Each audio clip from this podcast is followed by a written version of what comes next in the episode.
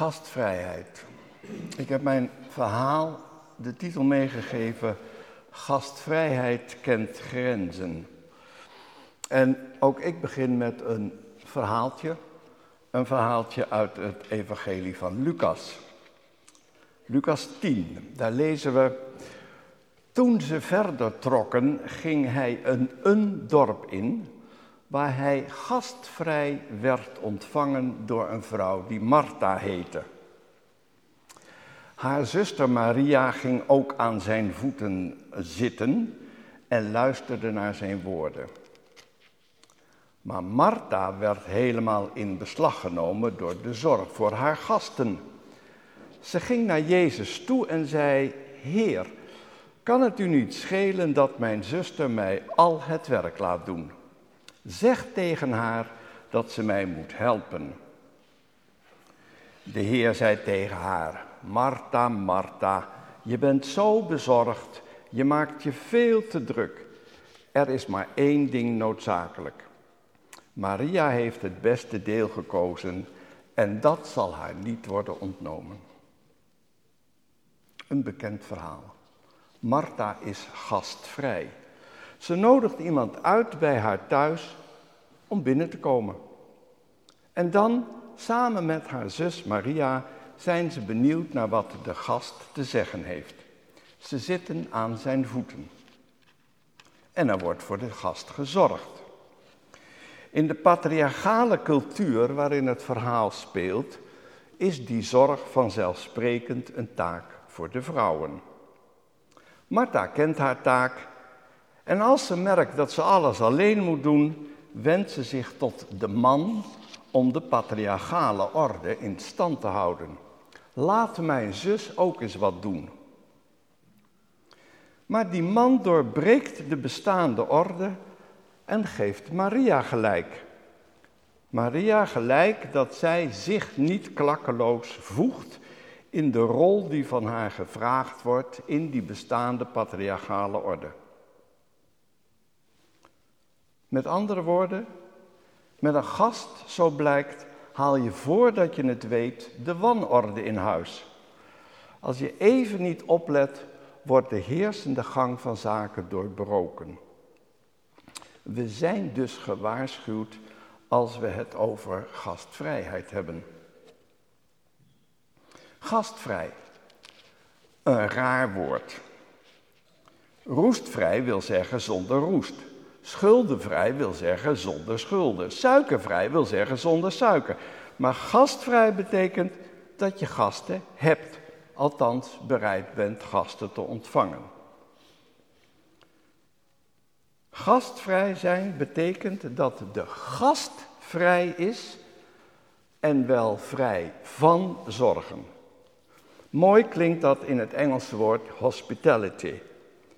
Gastvrijheid betekent dus zorgen voor de gast. Dat wil niet zeggen dat de gast zomaar vrij is. De gast is niet vrij om te doen en te laten wat hij wil. Dat wil nog wel eens verwarring geven. Zoals afgelopen vrijdag bleek in een rapport naar aanleiding van de voetbalrellen bij Ajax. Onderzoek heeft aangetoond, lang leven het onderzoek, dat de rellen een gevolg zijn van te grote gastvrijheid bij de voetbalclubs. Ze zijn te gastvrij geweest, wordt dan gezegd. Dat wil zeggen dat de gasten geen strobreed in de weg is gelegd. Maar gastvrij wil dus niet zeggen dat de gast vrij is om maar te doen en te laten wat hij wil. Als definitie van gastvrijheid kunnen we dus voorlopig aannemen, gastvrijheid is de vrijheid om ervoor te zorgen dat de gast vrij is van zorgen. Gastvrijheid, de vrijheid om te zorgen voor de gasten dan is de vraag, wat heb ik nodig om zo vrij te zijn dat ik kan zorgen voor mijn gasten?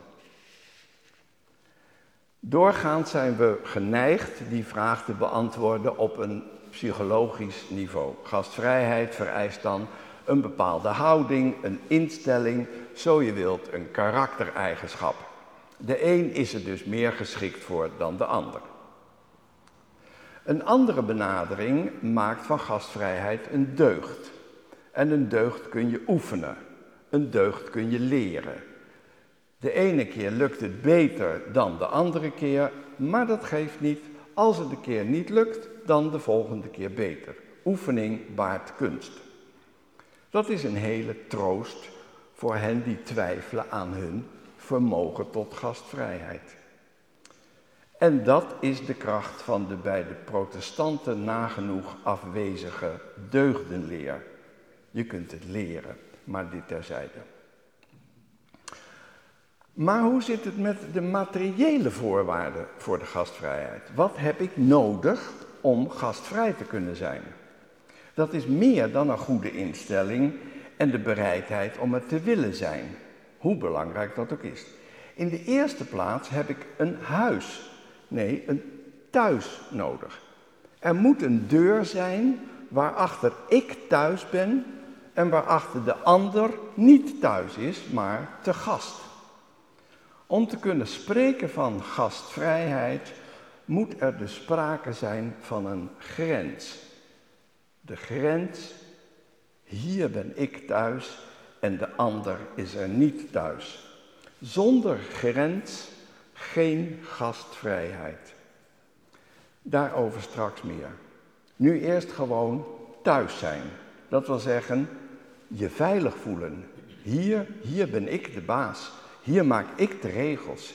Hier hoef ik me even van niemand wat aan te trekken.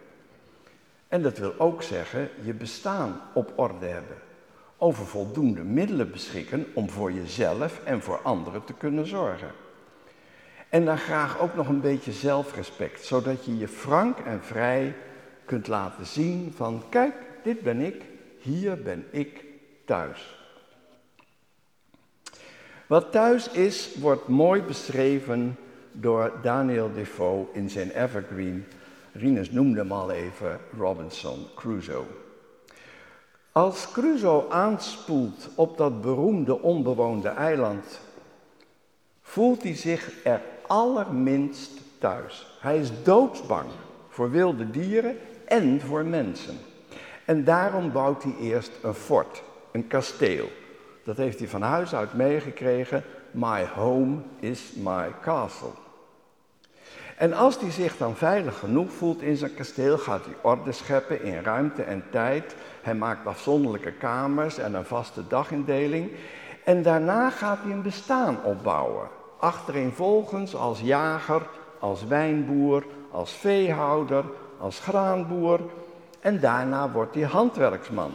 Want hij moet leren alledaagse en nuttige noodzakelijke dingen te maken, zoals nota bene zijn kleren, toch echt vrouwenwerk bij uitstek. Stap voor stap leert hij alle voorwaarden te scheppen om zich thuis te voelen. Eindelijk thuis. En niets in hem doet hem terugverlangen naar Engeland. En het grote voordeel van dit thuis, zo ontdekt hij, is dat hij gevrijwaard is van sociaal geneuzel, van verplichtingen, van dat obligate gepraat over koetjes en kalfjes met mensen die hem niet werkelijk interesseren. Hij hoeft kortom niet langer sociaal te zijn, thuis zijn, gewoon ongestoord je eigen gang kunnen gaan. Maar dan gaat er toch wat schuren. Crusoe gaat ervaren dat je zonder gasten in je eigen huis vroeg of laat uitgekeken raakt op jezelf. Je raakt met een modern woord opgesloten in je eigen bubbel. En de schrijver Daniel Defoe illustreert dat heel mooi met het huisdier dat Crusoe heeft, namelijk een papegaai. Het beest zorgt voor gezelligheid, het praat graag, maar het zegt precies datgene wat Crusoe al lang wist, omdat Crusoe het allemaal voorgezegd heeft. Oftewel, Crusoe wordt in de papegaai alleen maar met zijn eigen monologen geconfronteerd. Dus groeit bij hem langzaam het verlangen naar een gast, een gespreksgenoot.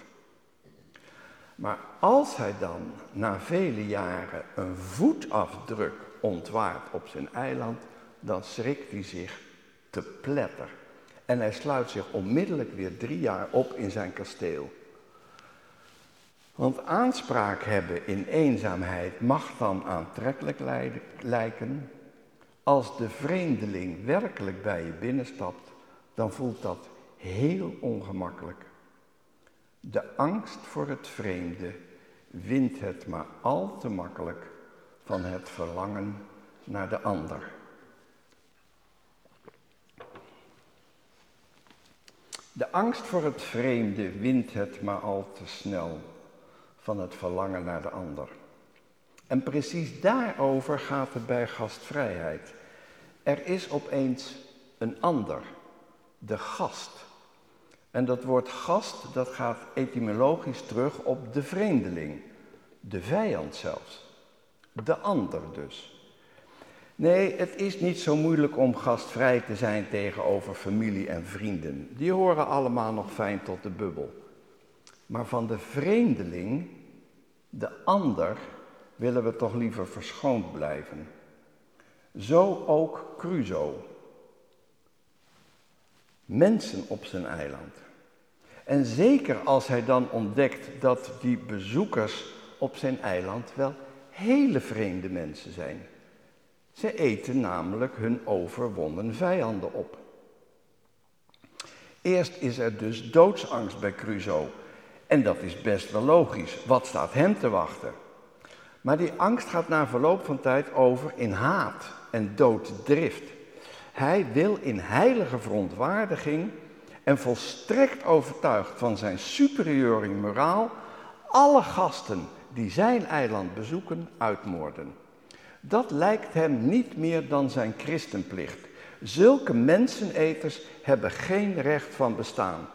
Hij dient hier als scherprechter namens God zelf op te treden. Verdediger van Gods heilige geboden. Maar dan bekruipt de twijfel. Wie of wat geeft hem het recht te oordelen over het anders zijn van anderen? Aan de hand van welke maatstaf kan hij zeggen dat hij superieur is? Kan hij zichzelf superieur achten boven die anderen? Kan hij soms bevroeden waarom de goede God niet alle mensenkinderen met dezelfde wijsheid gezegend heeft waarmee die hij Crusoe gezegend heeft? Het mooie is dat Crusoe zijn twijfel overdenkt in het volle besef van zijn christelijke overtuiging. Hij denkt, als alle mensen kinderen van God zijn, dan ook deze vreemden. Vreemden die ik niet begrijp, maar zijn ze daarom minder Gods kinderen? Hoe hij ook met afschuw vervuld is over de praktijken van deze vreemde gasten, die afschuw kan en mag geen reden zijn om deze mensen te doden. Na lang piekeren en puzzelen en in gesprek met zichzelf kan Crusoe tot geen andere conclusie komen dan dat alleen zelfverdediging het doden van een ander rechtvaardigt. En dan nog alleen in het volle besef een medemens te doden. En dan is daar opeens de man Vrijdag, de metgezel die Crusoe uit zijn bubbel bevrijdt. Een scherpzinnig denker die, door Crusoe, die zich door Crusoe laat onderwijzen in de christelijke leer, om vervolgens met vragen over Bijbel en christendom op de proppen te komen waar Crusoe nog nooit over heeft nagedacht. Vrijdag. Niet toevallig door Daniel Defoe vernoemd, vernoemd naar de godin Freya, de godin van de huiselijke zorg. Deze vrij, vrijdag breekt het thuis van Crusoe open. Laat een nieuwe, vreemde wind waaien, bevrijdt Crusoe uit zijn zelfgenoegzaamheid. In deze totaal vreemde man leert Crusoe zijn medemens kennen. De mens van God gegeven als een hulpe tegenover. Zoals de Statenvertaling dat zo mooi in Genesis van Eva tegenover Adam zegt. En Crusoe gaat de man waarderen, zelfs meer dan dat. In relatie tot vrijdag spreekt Crusoe na verloop van tijd van liefhebben. Hij houdt werkelijk van hem. Met vrijdag is hij compleet gelukkig op het eiland. Daniel Defoe leert ons met zijn verhaal twee lessen over gastvrijheid. De eerste is dat gastvrijheid je overkomt.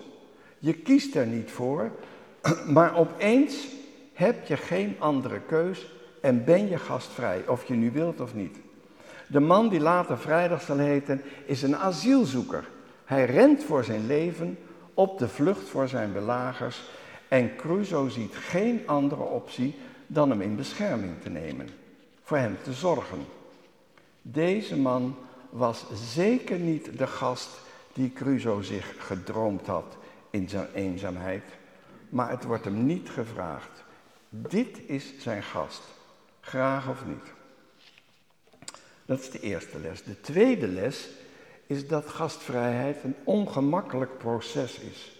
Een proces van wederzijds aftasten, inschikken, afleren, aanpassen. Een proces waarin zekerheden en vanzelfsprekendheden op de helling gaan. Zorgen voor. Het klinkt zo simpel. Maar niet op voorhand is duidelijk hoe wij de ander ontzorgen. Wij kunnen onze behoeften niet zomaar op de ander projecteren. En een andere valkuil is dat wij de ander gaan betuttelen, hospitaliseren, ondergeschikt maken aan onze opvattingen over zorgen. En zo de ander, de gast, zijn waardigheid beroven, van zijn waardigheid beroven. Ja, ja, gastvrijheid kent grenzen. Net als destijds Robinson Crusoe hebben wij de sterke drang om de wereld in te richten als ons thuis. En we zitten er helemaal niet op te wachten dat dat thuis wordt opgeschrikt door een vreemde.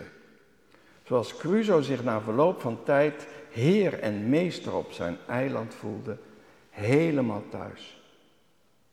Heerlijk. Hij wilde wel aanspraak, maar dan toch echt van een witte protestant. Nou vooruit, desnoods een witte katholiek. Maar zijn huis moest wel ongestoord zijn thuisblijven.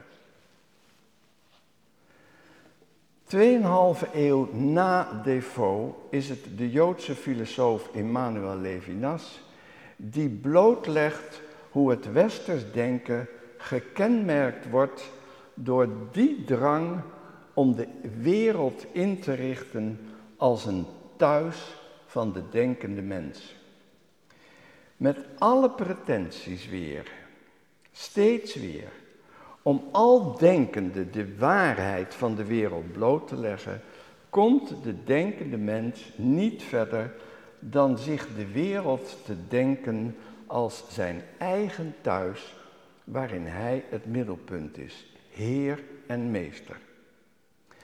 Alle inspanningen, al dus Levinas, om denkende de waarheid te achterhalen, heeft de westerse mens niet verder gebracht dan denkende zichzelf op te sluiten en een gevangene te maken van het beeld van de wereld dat hij zelf geschapen heeft. En het gevolg daarvan is dat de verdediging van die waarheid die altijd de eigen beperkte waarheid is, uit moet lopen, altijd weer op moord en doodslag. De enige die onze ogen kan openen, die de beperktheid van onze waarheid de benauwdheid van ons thuis kan blootleggen, is de ander. De ongenode gast die bij ons binnenstapt, ons aankijkt en niet te herleiden is tot, niet is in te passen in ons idee van de wereld. Laten we maar zo eerlijk zijn om te erkennen dat de kritiek van Levinas op het westers denken voor ons een ongemakkelijke waarheid is. We willen wel gastvrij zijn, heus wel, maar op voorwaarde dat we de baas in huis blijven.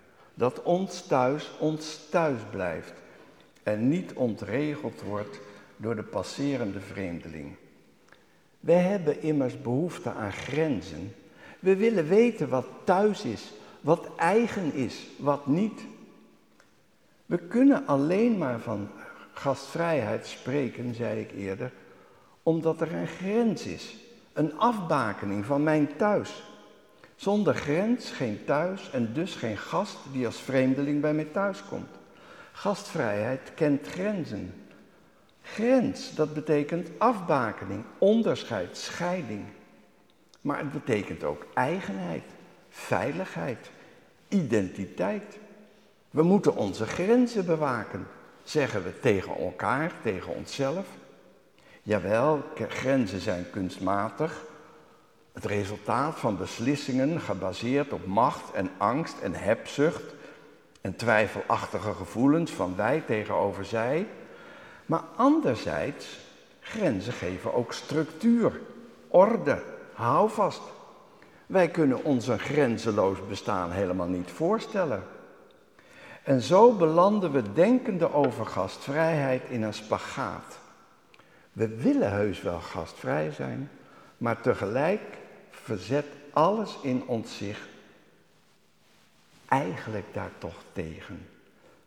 Aan de ene kant, gastvrijheid overkomt ons, dringt zich aan, dringt zich aan ons op. En tegelijkertijd, we willen er eigenlijk niet van weten. We willen niet opgesloten blijven in onze bubbel, maar oh wat zijn we bang voor het verlies van onze eigenheid, van het verlies van onze identiteit. Met een verwijzing naar het verhaal waarmee we begonnen, we zijn werkelijk tegelijk Martha en Maria. Martha die de orde wil handhaven, zo doen we dat. En Maria die zich gesteund voelt, we gaan het zoals de gast doen. We gaan het anders doen. Met onze gastvrijheid willen we tegelijk de bestaande verhoudingen wel en niet laten zoals ze zijn. Gastvrijheid kent grenzen. Want zonder grens hoeft van gastvrijheid geen sprake te zijn. En in onze gastvrijheid willen we onszelf niet verliezen. Denkende over gastvrijheid worden we bepaald bij de grenzen die ons vormen. Zonder grenzen zijn we letterlijk nergens. En toch is daar steeds weer onverwacht de vreemdeling die ons uit onze kleine enge begrensdheid redt en die begrensdheid aan de orde stelt. En met dat gegeven moeten we het doen. Ik heb geen oplossing voor die spagaat. Er rest ons niets anders dan onze angst en onze beperktheid te erkennen. Wetende van de vreemdeling die bij ons binnenpreekt en ons ter discussie stelt. En de troost dat we de eerste niet zijn met dit ongemakkelijke inzicht. Ik wil afsluiten met een kort fragment uit de profetie van Zacharia. De tekst dateert uit de periode na de ballingschap, de ballingschap van Israël. Er wordt weer hard gewerkt aan de wederopbouw van Jeruzalem. Het volk Israël zal weer een eigen thuis krijgen, afgebakend, begrensd. En dan schrijft de profeet ik zag een man met een meetlint in zijn hand. Waar gaat u heen? vroeg ik. Hij antwoordde: Ik ga opmeten hoe groot Jeruzalem moet worden. Toen verscheen de engel die met mij sprak. En een andere engel kwam heen, hem tegemoet. En die zei: Vlug, zeg tegen de jonge man dat Jeruzalem een open stad zal blijven, niet ommuurd, vanwege het groot aantal mensen en dieren dat er zal wonen. Ik zelf, zo spreekt de Heer, ik zelf zal rondom de stad een muur van vuur zijn en haar met mijn luister vullen.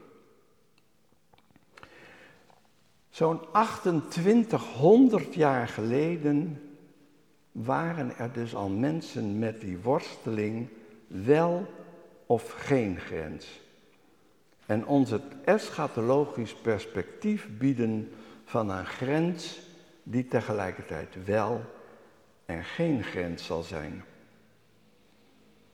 Ik stel voor, laten we ons voegen in dat perspectief. En ondertussen oefenen we ons in de deugd van de gastvrijheid, wetende van het ongemak dat altijd ontstaat als de gast bij ons binnenvalt.